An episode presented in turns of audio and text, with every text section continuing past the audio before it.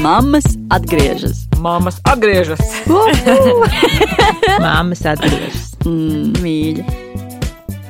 Čau, mēs esam atpakaļ studijā ar pirms darba mini-seriālu Māmas atgriežas. Šeit studijā esmu es, Vineta. Zane. Astra. Mēs atkal esam ierakstu studijā, visas trīs tikušās, lai noklausītos jaunāko ierakstu, jaunāko interviju un, protams, apspriestu.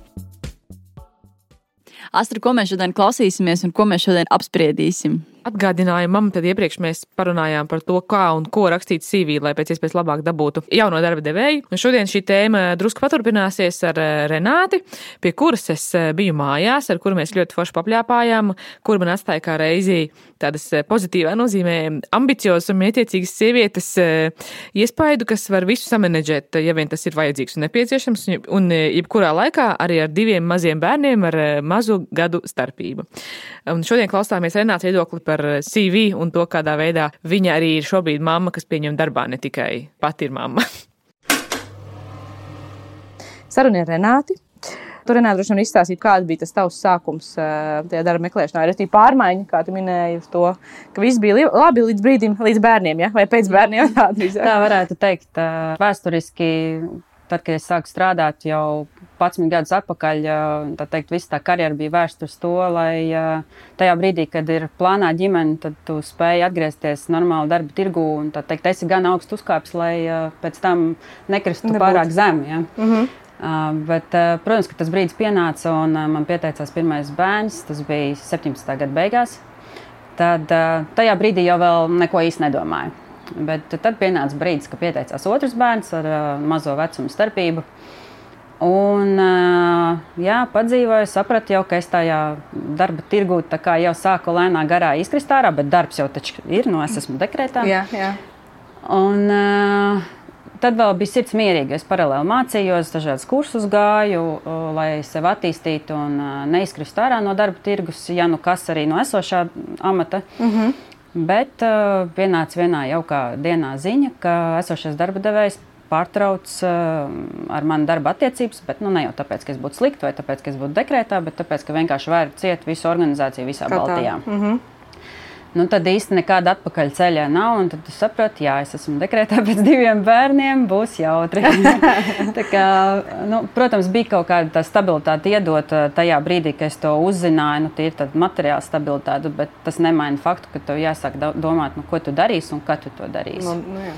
Nu, ne no nulles, bet no pusmīnus. Jā, Jā, jā, un tā mana pieredze, pirmajā brīdī es uzreiz darbu nesāku meklēt, bet tas tā nedaudz taustījos, jo mm -hmm. biju domājis iet pa to sfēru, pa kuras ā, tajā brīdī biju. Un Tas bija kvalitātes vadītājs, bet tam farmācijas industrijā ļoti specifisks. Mm -hmm. Un, uh, es izlēmu tā, ka es paskatīšos, kas notiek, un lēnām garā sākšu pieteikties. Un tā mana primārā doma bija tāda, nu, ka es norādīšu, ka uzņēmums ir pārstājis to savu darbību pieteikumu vēstulē. Un kā attiecīgi uh, esmu pēc bērnu kopšanas atvaļinājuma. Mm -hmm. Tas bija savā veidā mans apzināts eksperiments, jo Jā. jā. īsti tāds izmisums vēl nu, tā nebija. Ja? Ir, tā Jāpaskatās, kom- kas notiek. Jā, naudas pietiek un redzēsim, kas notiek. Un jāsaka, ka vairāki teiksim, tā, darba devēji vispār neko neatbilda, neatbildēja. Ja? Mm. -hmm. Un es īsti kā, nu, nesapratu, kāpēc, bet nu, man bija tā teorija, Aizdoma. ka varbūt šis ir tas iemesls. Bet uh, bija arī ā, darba devēji, ar kuriem es nonācu līdz pēdējai kārtai, un jā, ar HR vēl viss bija kārtībā. Tad ar vadītājiem pašiem jau es jau jūtu. Jau tur jau sākās jau tādi Aizdomīgi. jautājumi, kā tu tiksi galā, ko tu šajā laikā esi darījusi. Un tev būs vakaros ā, arī tur jāmācās, jākārto certifikācija. Un interesanti, ka es to dzirdēju arī no sievietēm, kas iet pašas dekrētā. Mm -hmm. Un tas man lika toreiz aizdomāties, un es sapratu, ka ar laiku um, vajadzēs pamainīt to stratēģiju, kas nu, nopietnāk tam pievērsīšos. Nāk, nākamajā reizē, kad jau tu aktīvāk sāki meklēt darbu, tad tu sāki saprast, kā CV ir jātaisa pareizajā formā, nu, pareizajā, vēlamajā formātā. Uh, CV es uh, norādīju, ka es esmu darba attiecībās līdz tam brīdim, kad es esmu darba attiecībās. Jā, jo jā. man jau tās darba attiecības beidzās nu, faktiski tikai ar dekrēta beigām. Beig- nu. Tas ir nu, faktiski jau. Nu, Tā bija vasara pagājušā Nu, viss tā kā- viss pagājušā papīra gada viss vasara, bet izskatās. es jau pavasarī nu, jau sāku kaut ko taustīties. Bet aktīvi man mērķis bija sākt meklēt darbu no rudens. Mm -hmm. Teiksim, nu, ja līdz tam nekas tā no gaisa nenokrīt ar, uh, ar domu, ka es sūtu CV tikai tur, kur es atbilstu, tur, kur es redzu savu vietu. Jo, Jāsaka, ka man arī tie standarti, kur es gribu strādāt, kādā vidē gribu strādāt, man bija ļoti augsts latiņš. Mm -hmm. Jo es strādāju korporatīvos uzņēmumos, kur bija tiešām augsta uzņēmuma kultūra. Mm -hmm ļoti labi vadītāji, forši kolēģi. Man bija bail, ka es nonākšu vidē, kur nekā no tā nav. Un, nu, nu, es neesmu strādājis līdz ar to. Mm -hmm. Bija kaut kāda tā latiņa. Mm -hmm. Vasaras beigās interesantā kārtā sāk parādīties piedāvājumi, kas man tiešām sāk interesēt. Mm -hmm. Daļai no šiem piedāvājumiem nebija norādīts darba devējs, un jāsaka, ka dažas intervijas tur arī apstājās. Mm -hmm. Bet, nu, principā, tajā brīdī, jau, kad es sūtīju to CV un pieteikumu vēstuli, es vairs nenorādīju to, ka mm -hmm. man ir bijuši šie, šie dekrēti. Mm -hmm. Bet nu, es biju atklāta pret darba devēju no tāda viedokļa, ka, teiks, nu, okay, ja jūs man neuzdosiet jautājumu, es virsū nebāzīšos, bet es pati atklāju, ka šajā pieredzē, kas man ir pēdējos desmit gadus šajā uzņēmumā, man ir Divi bērni. Divi bērni jā. mm -hmm. nu, teiksim, nu, ja darbdevējs uzskata un grib pārkāpt kādus principus un uzdot man detaļās jautājumus, tajos uz viņu skatīšos šķīvi. Ja? Yeah. Jo es tomēr uzskatu, ka darba devējs un darba ņēmējs tomēr viens otru vērtē. Nevis tikai tā, ka darba devējam, nu, tiksim, darba ņēmējam yeah. vajag. Ja? Mm, bet tā, tās intervijas jau gāja labi, un, un, un bija arī divi citi darba devēji, kas mani paņēma faktiski trīs jau pēdējās kārtās. Mm -hmm. Bet eh, nu, es tur atteicu to iemeslu dēļ, ka nebija kāda no tiem kritērijiem, vai teiksim, nebija atklāts īsti uzņēmums, kas tas ir. Tas ir šajā uzņēmumā. Es negribu vai šajā sfērā. Nu, mm -hmm. Man nebija tik liels izmisums, ka man tiešām vajag darbu, lai es pēc tam graustu pirkstos, ka nu, nē, nu, es negribu tur mm -hmm. strādāt. Jā. Mm -hmm. nu, pie šī darba devēja nu, es nonācu līdzīgā veidā. Viņam tieši sludinājums īstenībā bija CVLV bija sludinājums. Jā.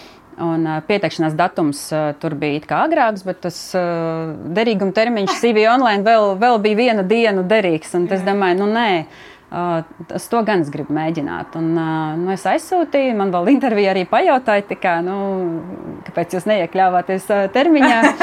es teicu, nu, es ieraudzīju viņu tad, kad es viņu ieraudzīju, un tur termiņš uh, nu, bija aktīvs. Es domāju, nosūtīšu. Jā. Jā.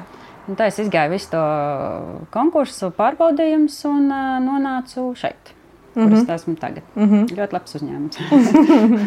Bet šeit, piemēram, šajā pieredzē, kad tu atklājies par to, ir. Uh, nu, principā es sev intervijās arī teicu, ka man ir uh, divi mazi bērni. Nu, tā, nu, es negāju detaļās. Man, man liekas, man pajautāja, cik veci. Tas bija mhm. tāds uh, casual saruna mm -hmm. no, no vīriešu vadītāja. Uh, Nu, es redzēju, ka tas viņus nesatrauc. Tas patiesībā vairāk mani satrauc. Jo nu, viņi pārbaudīja tās manas zināšanas, prasmes, viņi skatījās uz to man iepriekšējo pieredzi, mm -hmm. kas man ir.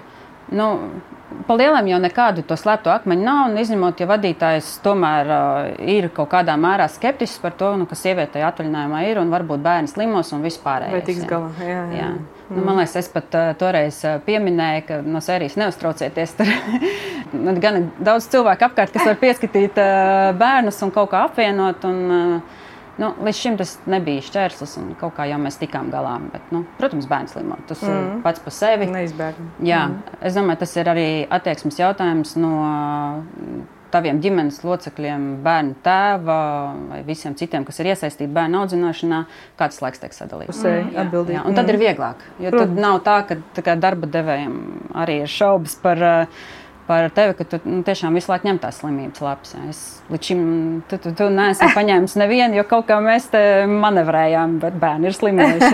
tur, tur, tur bez variantiem. tu, piemēram, tagad kaut ko darīt, nu, kā šodienas acīm, atskatoties sevi pirms tiem diviem gadiem, ja? tu darīji kaut ko citādāk? Um, Nu, es saku, tas sākums, ko es paeksperimentēju, es nenorādīju to informāciju. Mm -hmm. Tas ir Skaidrs. diezgan viennozīmīgi. Jā. Un es esmu diezgan runātīgs cilvēks, un uh, man, man bija šie ieteikumi intervijā pašai nebrukt virsū un nestāstīt. Ja, un es to ieteiktu arī citiem, nu, neiet ar to virsū darba devējiem. Un, fokusēties to profesionālo un pieņemt to, ka darba devējs tev īsti nedrīkst šos jautājumus uzdot. Mm -hmm. Un, uh, tas ir. Uh, bet nu, no tāda CV pieteikuma Nu, pa lielam nē. Mm -hmm. nu, es skatītos, vai tiešām uh, ir iespēja strādāt tuvāk mājām, tāpat kā es jau to skatījos. Jā. Un tas ir ārkārtīgi svarīgi, ka tu esi flek fleksibls kaut vai Tur pārvietoties. ātri. Jā, skatītos, vai darba devējs tev dod iespēju strādāt no mājām, vai tas amats to ļauj. Mm Mhm. -hmm. Bet pa lielam īstenībā nē. Mm -hmm. nu, vienīgais, tā te, esot dekrētā, pielūkot, kā mēs attīstāmies un zinām, kas notiek tajā mūsu jomā. Mm. Jā. Jo tad tu vari sevi labāk prezentēt un noteikti primāri sagatavoties intervijai, sagatavoties jebkādiem uzdevumiem, prezentācijai. Un neštancēt pieteikumu vēstules uz dūlo un nesūtīt CV visiem pēc kārtas. Jā, nu, es to nedarīju, bet nu, es redzu, ka cilvēki tā dara. Es, man, tas, man tas personiski nav saprotams, jo es tā neesmu darījusi. Jā. Bet, uh, es tā vienmēr katram darba devējam piegāju ļoti Individuāli. uh, individuāli un nesūtīju randomā kaut kam, kaut mm. ko. Bija tas pamatojums apakšā. Un es gribēju prasīt, tev droši vien, nu, kā reizē tev, ja minēji, tu ir komanda, līdz ar to esi komandas vadītājs. Atbilstoši droši vien, ka tieši tā tev tas skats arī par to nu, no otras puses, kā darba devēja pārstāvim, kurš ņem darbā komandā cilvēkus, kuriem visticamāk arī ir bērni. Droši vien, arī tas ir, ir vai nav mainījies, un vai tur kaut ko pakom- pakomentēt vairāk par to, kā tu viņus tagad uztver. varbūt tas, ka jau es esmu gājis pati tam cauri, tas dod uh, to vairāk izpratni par to, nu, teksim, mm -hmm. ka citiem kolēģiem ir bērni. Un, jā, nu, lielai daļai komandas uh, ir bērni un mazi bērni. Mm -hmm. un, man liekas, mums pat tāda baigot diskusija par to nav bijis. Jā, tur bērns slimo, strādāšu no mājām. Jā, nu, ja vien nav tā, ka bērns slimo un es neesmu trīs dienas vispār pieejams nekādos jautājumos, nu, tad es varu kaut ko pajautāt. Bet nu, tā, tā nav īsti. Jā. Kaut kā, man liekas, svarīgi ir runāt un svarīgi ir paskaidrot, lai tu saprotu, vai to cilvēku var rēķināties tajā laikā vai nevar rēķināties. Mm -hmm. Bet, uh, jā, es skatos arī uz kaut kādiem ienākošajiem sludinājumiem. Es zinu, kā, kā ir citi to darījuši. Ja? Tur pastāstās, ka sieviete tur uh, darbspējīgā vecumā, tur varbūt ģimenes nav un tam līdz tā jau drīz būs. Ja? Mm -hmm. Es vienkārši pievēršu to acis. Būs īstais cilvēks, būs cilvēks, uh, nebūs, nebūs. Bet tos, es mēģinu nostādīt to malā. To personīgo faktoru. Jā, jo nu, bija arī te, te, te tāds uh, piemērs, ka laikam, viens kandidāts bija ar uh, laikam, diviem maziem bērniem. Tad, tad, tad bija kaut kāda tā, tā runa par to, ka, nu, vai slimos vai nesmu. Es teicu, nē, izslēdzam šo. Nu, kā, es negribu vispār, ap, es negribu apsvērt to. Es ka, ja es Es esmu par to atbildīgi, jā, mēs skatāmies. Jo es zinu savu pieredzi. Mm. Es teiksim, tos 11 gadus norūkāju melnās miesās, ja, un tagad man izbrāķē tikai tāpēc, ka man ir divi bērni. Nu, brāļs, man tādu darbu devēju nevajag. Mm -hmm. nu, tiešām, tā kā. Nē, nē, tāpēc man liekas, ir arī svarīgi tieši tā, ka ir nu, skaidrs, ka eh, tām mamām, kuras pašas ir tajā nu, otrā pusē, vai kuras redz to sīvi no otras puses, tieši tā, ja nu, tā viņām ir tā pieredze bijusi, viņas droši vien, ka, protams, ir nu, daudz iejūtīgāks vai kaut kā saprot, ka, ja tas cilvēks būs labs profesionāls un viņš ir spējis, tad viņš ir spējis menedžēt nu, to laiku. No, tieši jautājums, tā, vai tā sieviete neiegāž pretējā grāvī un neizdomā, ka jā, es te nevarēju apvienot, tad jau tu droši vien arī nevarēsi un kļūsi par to īstenībā traucēju. Jā, jā. Jo tas arī ir iespējams. Mm -hmm. Nu, kā tu pats esi tam izgājis cauri no tāda viedokļa, ka tu zini, ka tavs bērns slimā, tad jau viņam arī slimos. Es jau tur tā, nu, Tāpēc neņemšu vispār, jo Jā. zinu, ka tas ir jā, jā, nu, ka tas jau sākumā jau nogriež uzreiz. Jā, jā. Nu, jā. Es cenšos abstrahēties pilnībā no tā. Ok, un beidzamais jautājums man ir par to, vai tu kaut ko gribētu ieteikt darba devējiem. Kā reiz arī zinot to, kā tie procesi, konkursi notiek, eh, respektīvi, nezinu, vai kaut kādas idejas, ko tu gribētu ieteikt uzreiz, lai viņi min kaut kādā darba sludinājumā, vai viņi kaut kā vairāk pozicionē sevi. Nē, jā. Jā. Es ā, varu pateikt to, ka attiecībā uz personāla daļu vai personāla cilvēkiem, atlases cilvēkiem, man ir ļoti labas atsauksmes. Uh, bet attiecībā uz tām intervijām, kuras vada potenciālie vai tiešie vadītāji, es tiešām padomātu, kur ir tie cilvēki, kur tevi intervē. Jo darba devējs ir tā seja, un ja tu tiešām pasaki, Tev būs daudz darba, mēs te nēdam pusdienas un uh, cenšamies ātrāk pabeigt darbu. Un, uh, nu, principā, paši jau pasaka, nu, mēs nezinām, vai tu tiksi galā. Mm -hmm. jau, jau saka, nē, un tu, tā kā domā, nu, foršs forš starts, ja? mm -hmm. tā kā lab, labs sākums. Un, nu, tā kā, Pat arī tā ir vienkārši, tad vismaz to nemē, ne, ne, ne, Nu, nepozicionē nu pirmajā tā- intervijā. Jā, jo Noteikti. principā man kā darba ņēmējam tas uzreiz ir tāds, nu, nē. Nu, kāpēc? Nu, to jau uzreiz pasaka jau tur. Un uh, arī apšaubīt kandidāta spējas pirms viņu vispār pazīt. Mm -hmm. nu, tas man arī liekas muļķīgi. Un man bija tā sajūta, ka brīžiem mani apšaubīja. Mm -hmm. Vai jūs varēsiet apvienot? Uh, jā, bet jums būs jāmācās ārpus darba. Jums būs certifikāti jāmācās, uh, jākārto ārpus darba. Mm -hmm. Te nav nekāda augstskola, kur jūs varat izšķirt. Man tieši tādā tekstā arī teica, un skatījos, meitene jaunāka par mani. Es domāju, nu, meitene mīļos, tad cik es varbūt nāku no citas jomas, tad cik, bet, nu, ko tu man te mēģini iestāstīt? Mm. Nu, tā kā nu, to jāsaprot, ka tajā brīdī bieži vien tas darba ņēmējs varbūt nemaz nav sliktāks par tevi. Mm -hmm. Mm -hmm. Man bija šī kaut kāda brīžiem sajūta, ar ko es runāju. Nu, kā, ja tu būsi mans vadītājs, es, es jau tevi neredzu kā savu parādu. Jā, jā, jā. Nu, es iesaku nu... darba devējiem par daudz nerunāt. Man ļoti patīk tas Renāts komentārs par eh, personāldaļu. Mums kā reiz šeit pie šī galda sēžot eh, tēmu, ko apspriest, eh, ka mm, viņi vēl spēja noturēt to uzņēmumu seju, bet kas notiek tālāk tajās interviju procesā, tas ir vesels, vesels stāsts. Droši vien katram savs viedokļi. Nu, es pilnīgi piekrītu, ka uh, HR cilvēki uh, ir mācīti noturēt seju bet tiešie vadītāji vai dažādi līmeņa vadītāji, viņi diemžēl kaut kādos brīžos ne tikai dramatizēt mīl to faktu, ka uh, būs daudz jāstrādā, būs smagi jāstrādā, būs ilgi jāstrādā, būs daudz jāmācās, bet ir daļa tādi izmisušie, kuri gaida to cilvēku ar atvērtām rokām, viņi savukārt vēl nolaiž uz leju to latiņu. Te jau viss ir viegli, te mēs visi draudzīgi, mēs atbalstoši, lai gan faktiski tā situācija varbūt ir pavisam cita. Un te ir iepriekšējā stāstā atkal atsauce par to atklātību un patiesumu no abām pusēm. Jo, jā, vajag vienkārši izstāstīt, kā ir, nevis pārspīlēt uz abām pusēm. Vineta, kā tu domā, tā ir priekšrocība, ka tu aizēji uz eh, interviju darba un tev priekšā sēž ečārs, kuram ir bērns, kurš saprot to tavu, tavu situāciju?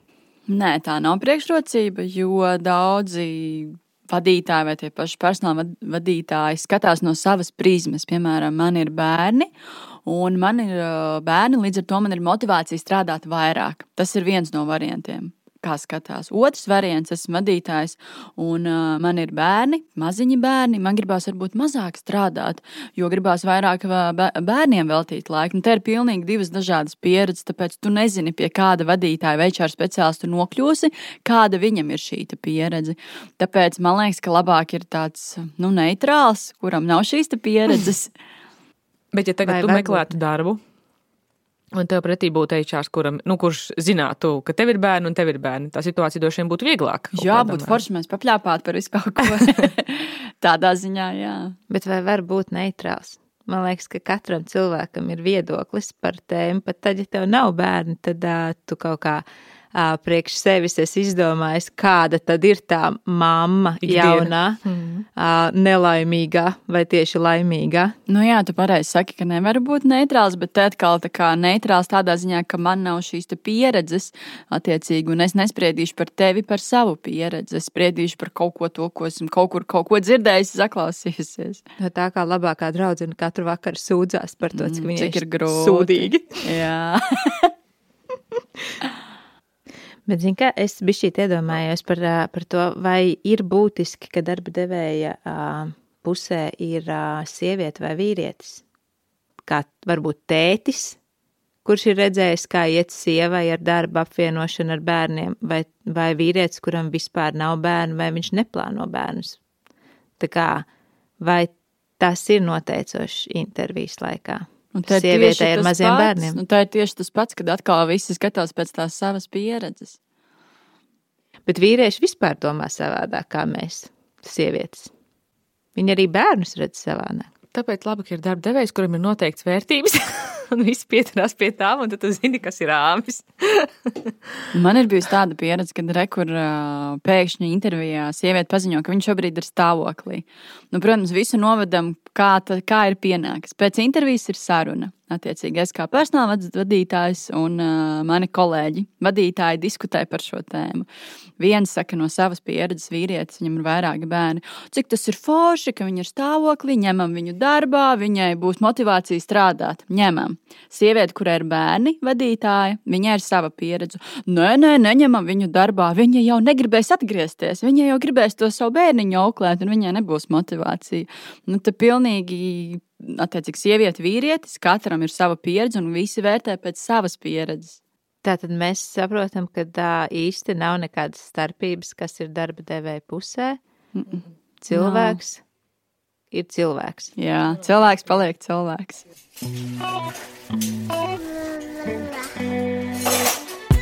Mammas atgriežas. Māmas atgriežas. Māmas atgriežas. Mm, mīļa. Tagad noklausīsimies um, vienu laimes stāstu, kur viņa pastāstīs vienu gadījumu no savas dzīves. Bet uh, tu man, prāt, minēji arī to savu pozitīvo pieredzi, ka tev, es nekļūdos, vai ne, ka tev bija, tev atrunāja pat no vienas uh, darba vietas. Mm -hmm.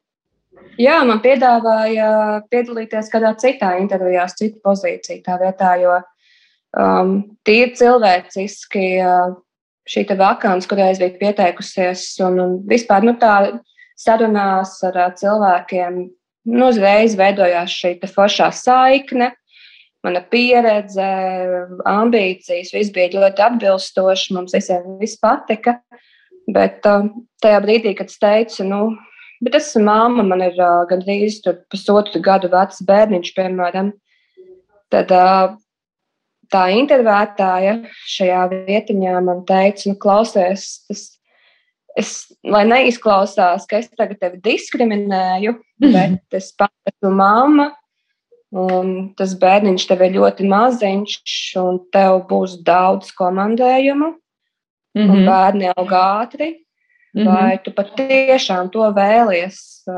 Vai tu vēlies stresā domāt par to, ka tu tev ir bieži kaut kur jādodas, nedod Dievs tev mazais apslimst vai kaut kāda cita dzīves gadījumi. Galu galā arī otrā puse ir ar savām dzīves lietām, jā, kas arī tev ir jārespektē. Jo nu, tu neesi viens pats, nu, man, man ir ģimene, jā, un mm. tas, uh, pozitīvs egoisms vienmēr ir laba lieta, bet uh, tomēr tas uzņēmies atbildību. Mm -hmm. un, uh, tā kā jā, toreiz uh, tas, tas nebija tā kā diskriminējoši. Tā, nē, mēs tevi neņemsim. Lai, tas ne. bija padomā, vai tas tev ir piemēroti. Un tā bija pirmā intervija, uz kuras aizgāju. Un, mm -hmm. tajā brīdī man arī parādījās šī apziņa par to, ka man ir jāaiziet uz intervijām, jau ar skaidru, skaidru domu par to, ka es gribu uzjautāt, vai vai jums es vispār nu, derēšu kā māma, kurai ir ģimene, un kāda ir tā darba specifika, vai spēšu viņai pielāgoties. Jo, nu, teiksim, mm -hmm. Šajā gadījumā es tikai tad, kad viņi man pajautāja, šī sieviete, vai spēšu emocionāli un praktiski to savienot, mm -hmm. tikai tad es sapratu, cik man ir rūpīgāk jāizlasa šie darba sludinājumi. Mm -hmm. Acīm redzot, man vienkārši iepatikās šī sludinājuma būtība. Bet tas, ka tas nozīmē braukāt katru nedēļu uz ārzemēm, nu, tad tas nederētu. Bet jā, viņi ieteica mani citam departamentam, kur man arī uzaicināja uz intervijas, aizgāja parunāties. Bet nu, tur gan man pašai vienkārši tā, tā tas amats ne īpaši patika. Tas nebija gluži manā nozarē vairāk. Tā kā šo uzņēmumu atceros ar ļoti labām emocijām, forša pieredze kas man iemācīja to, kas man ir jājautā. Ja, un ko es pati vēlos un sagaidu no šī uzņēmuma. Mm -hmm. Tā kā vispār tas, ka es biju aizgājusi un diezgan daudz laiku ziedojusi uzdevumu izpildēju, tā, tas bija tikai bonusiņš. Tāds foršs sākums, lai saprastu, kas man ir jādara tālāk. Tas man ļoti labi mhm. palīdzēja pēc tam. Man liekas, laima ļoti labi paspilgtina kā reiz to stāstu, ka tā robeža darba meklējumos ir ļoti slidena. Tas droši vien sākums sākās tajā, kad ir ļoti labi jāzina, ko tu gribi. Jāmāk arī izlasīt, vai darba devēji to ir minējuši tajā savā sludinājumā, un darba devējiem ieteikums arī minēt to, ko viņi var piedāvāt pat pa īstam. Un kad man liekas, tas galvenais stāsts ir tas, ka nu, ir jājūt īstenībā. Ļoti bieži vien ir jāuzticās no savām sajūtām arī no tā viedokļa, ka tu aizēji un otrā pusē tur ir tas cilvēks, vai tu ar viņiem jūti kaut kādu sinerģiju vai nejūtu. Man liekas, ka tas ir diezgan arī noteicoši visā tajā tālākajā stāstā, kur minēts gan, gan par atklātību, gan par to, ko minēt, ko minēt, kad minēt un kur minēt. Jā, piekrītu. Man liekas, ka ir jābūt pārliecinātam par sevi. Un vispār, manuprāt, pašam tam darbiniekam ir jāsaprot, ko viņš varēs un ko viņš nevarēs. Nevis prasīt to tam personāla vadītājam, jo tas personāla vadītājs jau nezina, kas tev ir tajā ģimenē, tur, kā jūs sadalāt tos pienākumus un uh, kā vispār notiek lietas ģimenē.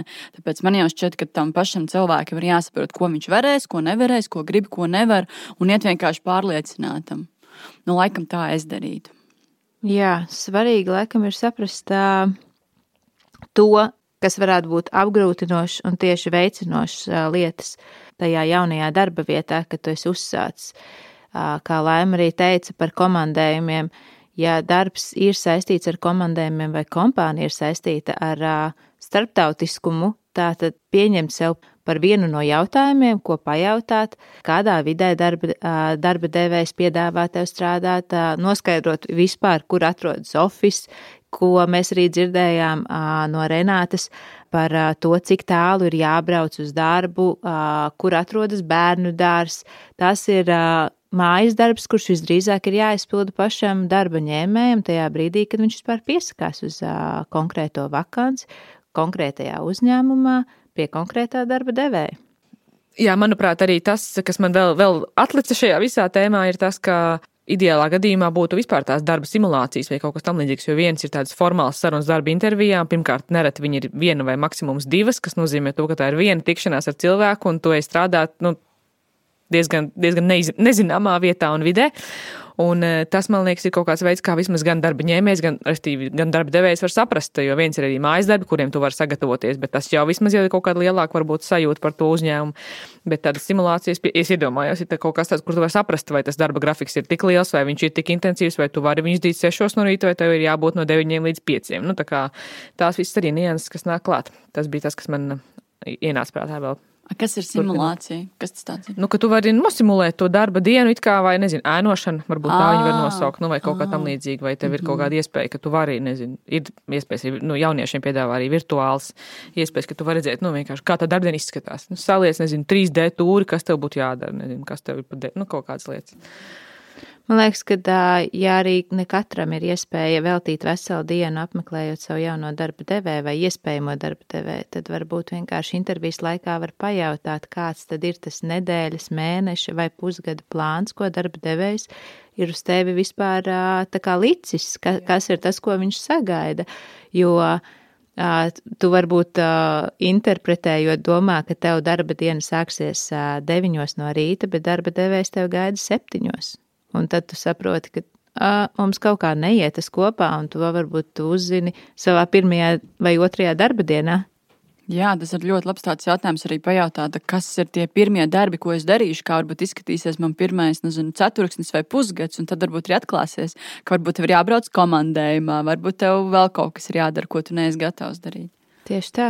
Tā, kā tā ir atkal tāds tiltiņš uz atklātību.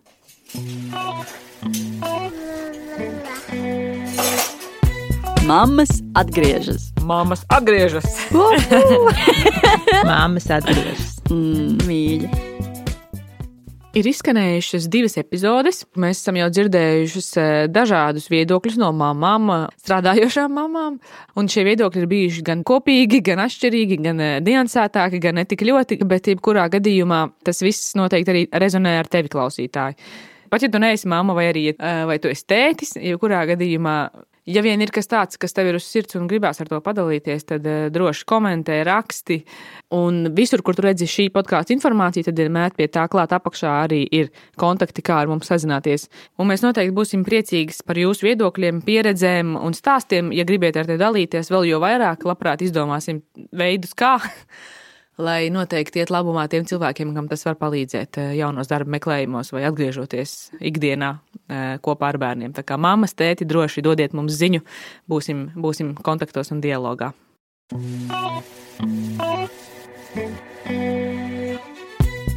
Nākamajās epizodēs mēs iesim dziļāk iekšā jautājumos par eh, supermāmu spējām, un vai tā ir problēma vai īstenībā priekšrocība, un kur un kā vispār to pieminēt. Un tajā pašā laikā arī par darba devēja vērtēšanu un to, kā saprast, kuri tad ir tie darba devēji, pie kuri pieņem mammas vairāk un kuri pieņem mammas mazāk, un vai tā tam ir jābūt.